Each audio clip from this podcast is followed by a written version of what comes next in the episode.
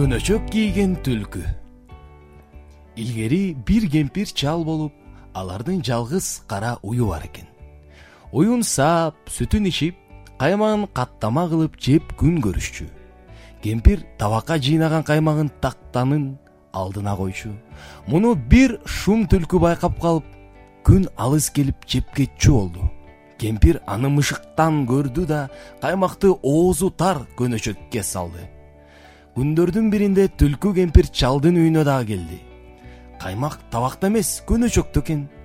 Дүкөн жанталашып жатып көнөчөккө башын салып каймакты жеп алды. Анан башын кайра чыгармакчы болду эле бирок болбоду.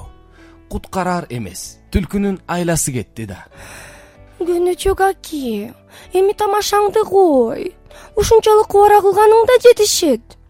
Үйдө балдарым бар кое бериңиз? Деп жалынды анда көнөчөк ага кекердүү сөзүн жөнөттү. Кайран түлкүм келип жатат күлкүм сени конокко чакырдым беле. Эми кое бер дебе каймак жейм деп үйгө киресиң анын таттуу экенин билесиң. Мен бир аз тамаша кылсам үйгө барайын балдарым бар деп эле чебелектейсиң. Жок сен үйүңө барбайсың экинчи көнөчөккө башыңды да салбайсың. Түлкүнүн күйбөгөн жери гүл болду. Эмесе сенин жазаңды берейин да сууга агызып жиберейин. Деп өзөндү карай жөнөдү. Түлкү келип башын сууга салды. Көнөчөккө суу толуп түлкү тумчугуп кулап түштү.